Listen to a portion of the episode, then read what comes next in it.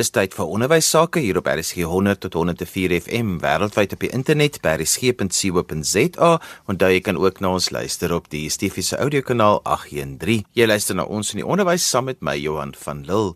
Ons gesels vandag oor twee onderwerpe in ons in die onderwys. In die eerste gedeelte gaan ek julle vertel van 'n wiskundige kompetisie waarin leerders kan deelneem en dis 'n aanlyn wiskundige kompetisie. En in die tweede gedeelte van vandag gaan ons bietjie gesels oor lesse wat twee onderwysers geleer het in Kanada en wat hulle in Suid-Afrikaanse skole toepas. My eerste gesels ek met die redakteur van die Burger, Willem Jordaan. Willem, julle het 'n baie interessante kompetisie wat julle op die oomblik mee besig is. Vertel bietjie vir ons luisteraars daarvan. Ja, Johan, dit is 'n kompetisie wat ons ontsettend opgewonde oor is. Hy is nou al sinds in sy in sy 3de jaar en dis in wese 'n 'n wiskundige kompetisie wat aanvanklik begin het vir hoërskoolleerdlinge, gemik op graad 10, 11 en 12 in sy eerste jaar. In sy tweede jaar het ons hom nasionaal uitgebrei buite die burger se verspreidingsgebied en ons vennote, ons ander susterskoerante Beeld en Volksblad het ook aan boord gekom en nou in sy derde jaar gee ons ook laerskoolleerders, uh graad 6 en graad 7 leerders die die geleentheid om vir die kompetisie in te skryf. Dit is 'n internasionale formaat, 60 minute, 20 vrae, um wat leerders aflê en dit word natuurlik negatief gemerk om te verhoed dat dat leerders raaiwerk doen. Nou die wonderlike ding van die kompetisie is daar's geen inskrywingsgeld aan verbonde nie. Daar's regte groot kontantpryse vir leerders en vir die skole op die spel. Uh, Byvoorbeeld in die geval van die hoërskoolkompetisie kry die leerder wat in die eerste plek kom 20000 en dis 'n skool 20000. Die tweede plek is 15000, 15000 en die derde plek 10000, 10000. As ons dan kyk na die laerskoolkompetisie vir graad 6 en 7 leerders, eerste plek 15000 vir die leerder en 15000 vir die leerder vir skool tweede plek 10000 10000 en die derde plek 5000 5000. Dit is nou net boonbehalwe die aanmoedigingsprys wat finaliste ontvang. Ons laat 60 finaliste toe vir die hoërskoolkompetisie en 60 vir die laerskoolkompetisie en elkeen van hulle ontvang 'n R1000 aanmoedigingsprys. Willem, julle is 'n dagblad. Hoekom is julle byvoorbeeld betrokke by iets soos 'n wiskundige kompetisie van alle dinge? Ja, ons sien oral die tekort aan wiskundige vaardighede wat in ons land heers en dit gee natuurlik aanleiding rol aan om 'n om 'n effek te hê ook op 'n op 'n ernstige tekort aan ingenieurs en mense wat in staat is om te kan programmeer, om te code soos eh, soos die jong mense deesdae sê. Ehm um, en dit is 'n 'n kritieke leemte in ons land. Daar's geen manier wat ons land kan kan meeding in die 4de nywerheidsrevolusie as ons nie meer werk doen om om daai leemte te begin vul nie. So ons sien dit as 'n bydrae nie alleen aan ons lesersgemeenskap nie, maar ook vir die land om daai om daai leemte uh, te vul. As ek 'n bietjie agtergrond kan gee, reeds in 2011 het ons 'n ander wiskundige projek begin, die wiskundige plakkaat wat nou natuurlik um, bekend sal wees onder luisteraars.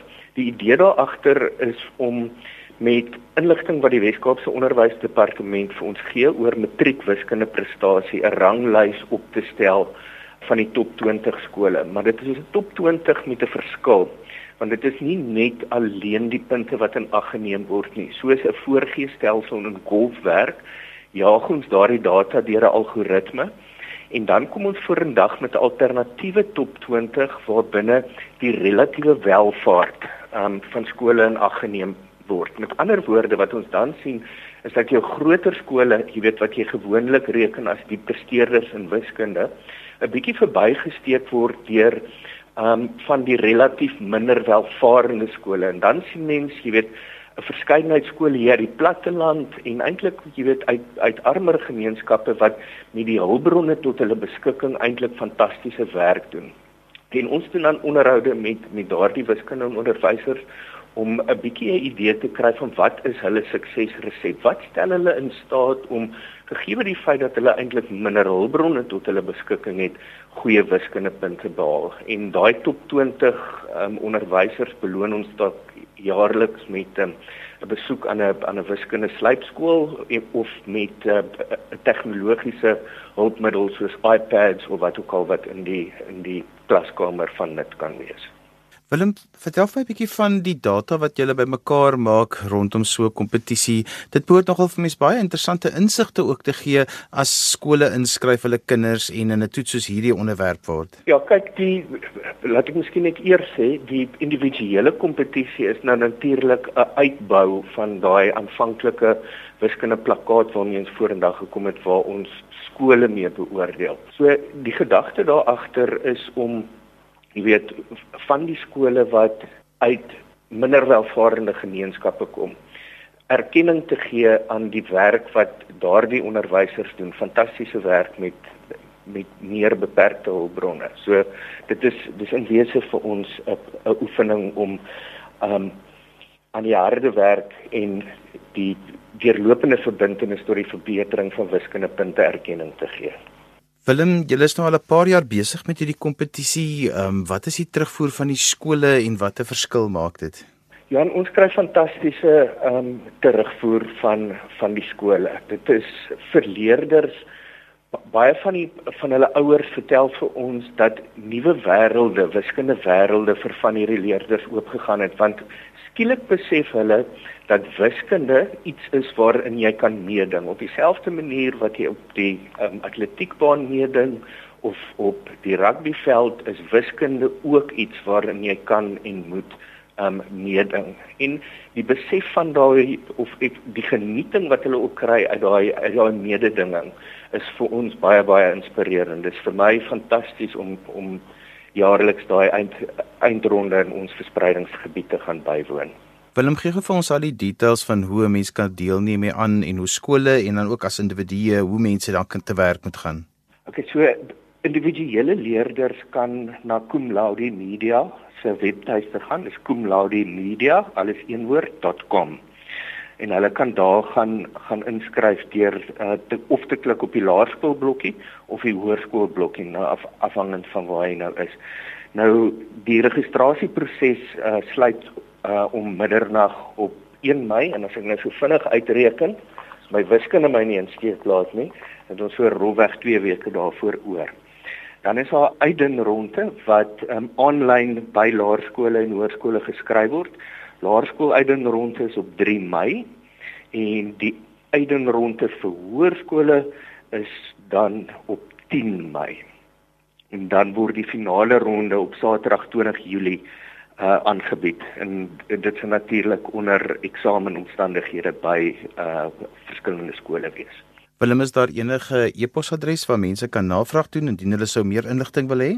Ja, sekerlik dis wiskunde by kumlaudemedia.com. Ek sê net weer, dis wiskunde @kumlaudemedia.com. En so gesels Willem Jordaan en hy is die redakteur van die Burger en ons het gepraat oor 'n wiskunde kompetisie wat leerders aanlyn aan kan deelneem. Volgende gesels ek met twee onderwysers wat hulle hele ruk gelede 'n draai in Kanada gaan maak het om bietjie te gaan kyk wat se lesse is daar te leer vir Suid-Afrikaanse skole. Hulle is Renier en Marlies Loupsher. Ons was uh, net vir 'n tydelike proses was ons daar gewees. Ons het nie fisies skool gehou nie. Ons het 'n uh, onder onderwysstelsels gaan ondersoek.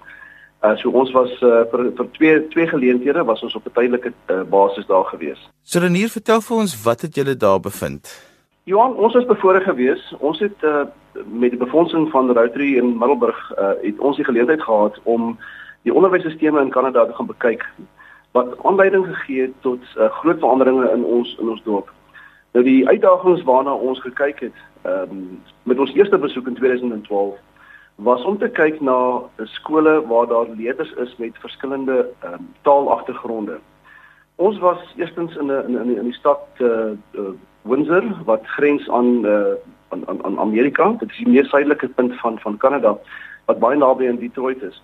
Nou wat dit interessant gemaak het was dat uh Windsor is is die is die plek wat um, wat die meeste immigrante akkommodeer in in Kanada. Hulle het 'n immigrasiesentrum wat die uh al die immigrante moet deurgaan. En as gevolg daarvan is daar ook kinders wat nou die, in die skole geplaas moet word. En daar is skole in die stad wat meer as 55, 56, 58 ehm um, verskillende tale van verskillende kulture moes akkommodeer. Hulle het sekere strategieë ont, ont, ontwikkel om hierdie kinders wat nie in hulle huistaal onderrig word nie, om hulle te akkommodeer in 'n klas en om hulle op bemagtig te, te bemagtig om die taal van Engels uh, te kan doen voordat hulle verder ingaan in die land en met hulle immigrasieproses. Uh dit is natuurlik baie relevant in amper al ons skole in Suid-Afrika indien dalk die meeste van ons skole waar daar leerders is in ons skole waar uh hulle huistaal nie noodwendig die taal is van leer en onderrig in die skole nie.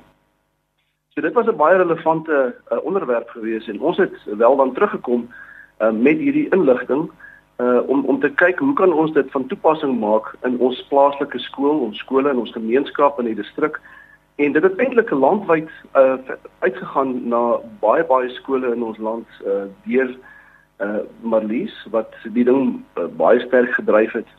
Ehm um, so ek gaan vir haar vra om, om so 'n bietjie vir jou te vertel van die aktiwiteite wat ons uh, gemanipuleer het om te kan werk in ons Suid-Afrikaanse onderwyskonteks. Ja, die beginsel wat die Kanadese gebruik het is leerder-gesentreerde aktiwiteite.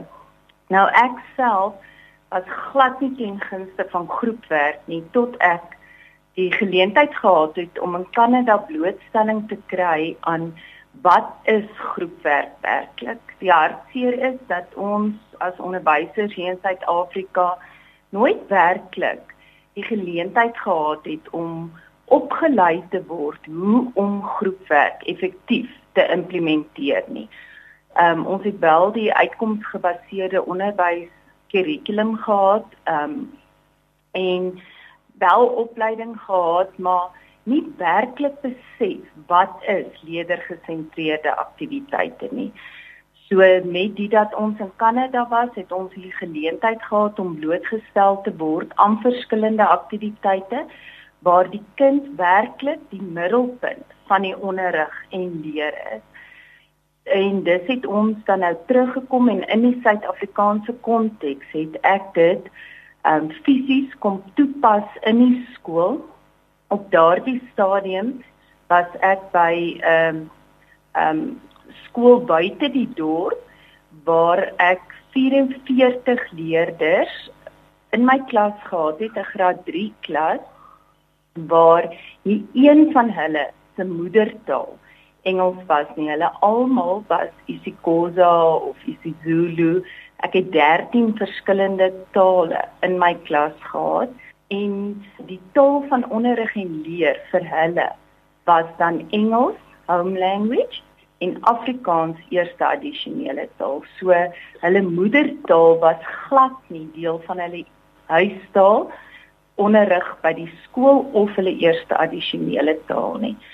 En Die beginsel gaan daaroor dat ehm um, die leer word geleidelik ontsluit die leerinhoud sodat die leerder vertroud raak daarmee. En dit eers ehm um, deur die onderwyser beleef wat die leerinhoud modelleer en dan kry die kind geleentheid om dit effektief in die groep te bemeester en dan eers word daar van die kind verwag om selfstandig die leerinhoud te bemeester. En iets wat ons ook geleer het en daar is 'n groot verskil tussen code switching ehm um, wat teen ons baie is want code switching beteken ek as juffrou het nie die taal vermoë om te onderrig in die taal wat vereis word nie en dan code switch ek na my eie taal of die leerders se taal. Ons het geleer van parallelle taalonderrig.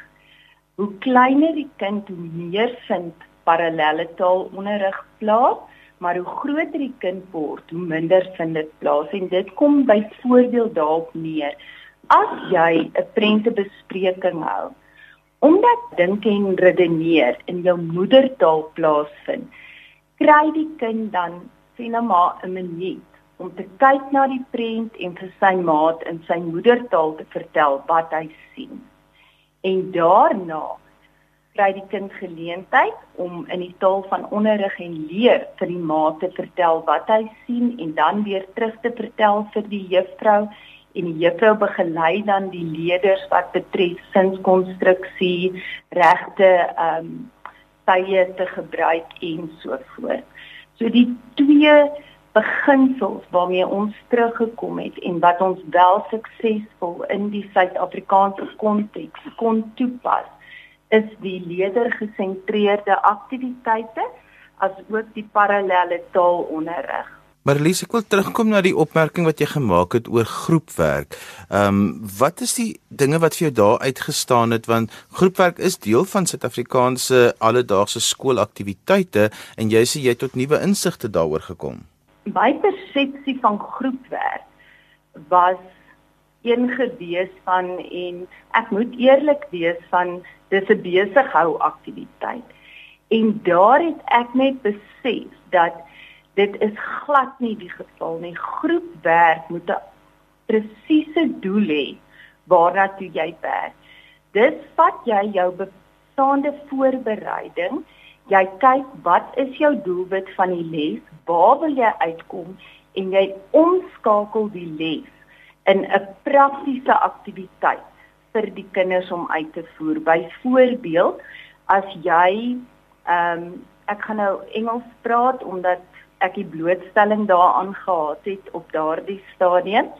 Ehm um, as jy wil verskillende tenses vir hulle leer, present tense, past tense, dan plak jy byvoorbeeld die present tense woorde op 'n strandbal en die die groep staan in 'n sirkel en die kind met die bal lees die present tense woord byvoorbeeld ehm um, see I see a dog. En dan herhaal die groep die kind se sin. En dan stel jy die past tense en present tense woorde vir hulle beskikbaar want dit is 'n leerproses. Dis teen die bord het ek twee kolomme gehad present tense past tense woorde. En dan kon die kind sien die past tense se see is so en dan het hy gesê I saw a dog in die groep herhaal en hy gooi dan die bal na sy geleentheid vir 'n volgende leerder en so werk hulle deur die woorde. Dus het hulle blootstelling aan die woorde wat aangeleer moet word. Hulle oefen dit mondelings en dan kan hulle dit eers skriftelik gaan voltooi. En dis al die aktiwiteite was doelgerigte aktiwiteite. Ons het woordaktiwiteite gehad, ons het bewegingsaktiwiteite gehad. So ons het 10 verskillende aktiwiteite gehad wat ons dan nou onderwysers in die omgewing en opgelei het. En dan in 2013 was ek ook bevoorreg om hierdie opleiding aan die 8 van die 9 provinsies se kurrikulumadviseurs te kon doen. En ja, ek hoop en glo en vertrou maar net dat die kurrikulumadviseurs dit wel uit sou gerol het. En dit is moeilik om van dit rekord te hou. Renier baie keer is die realiteit dat kinders 'n taal praat en die onderwyser dit 'n taal waarin sy onderrig gee en dalk nie eers haar eie huistaal nie, maar baie keer kan die kind se huistaal en die onderwyser se huistaal nie by mekaar uitkom nie. Hoe hoor brugge mens daardie aspek want dis twee verskillende tale en dan is daar nog in die middel 'n ander onderrigtaal. Ja, ek dink dit is een van die groot krisisse waarmee die onderwysstelsel vandag sit is die taalveronderrig by by meeste van die skole. Ehm um, ek luister as hoof luister ek na die treurmare van van van my kollegas ehm um, waar daar onderwysers is wat nie werklik waar Engels magtig is en dan by 'n 'n plaaslike skool of 'n plaaskool ehm um, nie hierdie konsepte kan oordra nie. En as daardie fondamente nie ge, gelê is nie, is is daai kind glad nie voorberei vir die res van sy van sy jare nie. Dit ons kan dan nie die fout gaan soek by die matriekonderwyser uh, as die slaagsyfer laag is nie. Die die die ding kom terug na die graad 1 onderwyser. So daar is konstante opleiding en ontwikkeling wat moet plaasvind van daardie onderwysers. Dit 'n onderwyser moet in taal kan onderrig gee waar wat wat wat die kind magtig in is. En 'n ou moet versigtig wees as ek die Engelse woord van code switching kan gebruik. Mens moet versigtig wees dat code switching dalk ook dan ehm, 'n um, 'n voertuig is waarmee die kind meer en meer verwarring ervaar. Uh want die oomblik wat jy 'n kind en ons weet 'n kind tot op die ouderdom van 8, 9 is soos 'n spons as hy as dit kom by 'n taal korrek aanleer. Uh daai kind moet op die vroegste ouderdom moontlik moet hy hierdie taal bemeester en die korrekte taal moet gebruik word deur die onderwyser. So die kwalifikasie van die onderwyser is is kardinaal, die die taalgebruik van die van die onderwyser is kardinaal om hierdie omsluiting na die leer sy uh, in, in die regte taal te kan doen. Maar Elise, hoop die oomblik help julle skole om hierdie gaping te oorbrug? Tans is ek weer verbonde aan 'n um, skool in die dorp wat my voltyds besig hou. Dis het my opleiding afgeneem 2012 tot 2016 um, was ek onder uh, um vir die departement van basiese onderwys op kontrakbasis gewerk en toe het ek heel gereeld opleiding gedoen. Nou, ehm um, wanneer skole my nader, dan probeer ek hulle akkommodeer met goedkeuring van my hoof en ehm um, ons probeer maar help waar ons kan. So Marilise, as mense met julle wil kontak maak, hoe kan hulle dit doen? Hulle kan via ons e-posadres met ons kontak maak. Kan ek dit vir jou gee? M A R L I Z E L O U B S E R @gmail.com. Ek herhaal net geweet daardie adres, so dit is marliesloupsher@gmail.com en daai Marlies, as ek reg gespel is dan sonder die e Marlies. dis dis korrek ja, dis nie die een met in die paal vasgery het nie, dis die een met die i. En so gesels Renier en Marlies Loupsher en hulle het vir ons vertel van al hulle ervaring wat hulle gehad het in Kanada wat hulle daar geleer het en hoe hulle dit kom toepas het in Suid-Afrikaanse skole. En daarmee het ons gekom aan die einde van vandag se ons in die onderwys en jy kan weer na vandag se program luister as 'n potgooi. Laat dit af by resgep.co.za. Ek skryf gerus my e-pos by Johan by vvmedia.co.za. daarmee groet ek dan vir vandag tot volgende week van my Johan van Lille. Totsiens.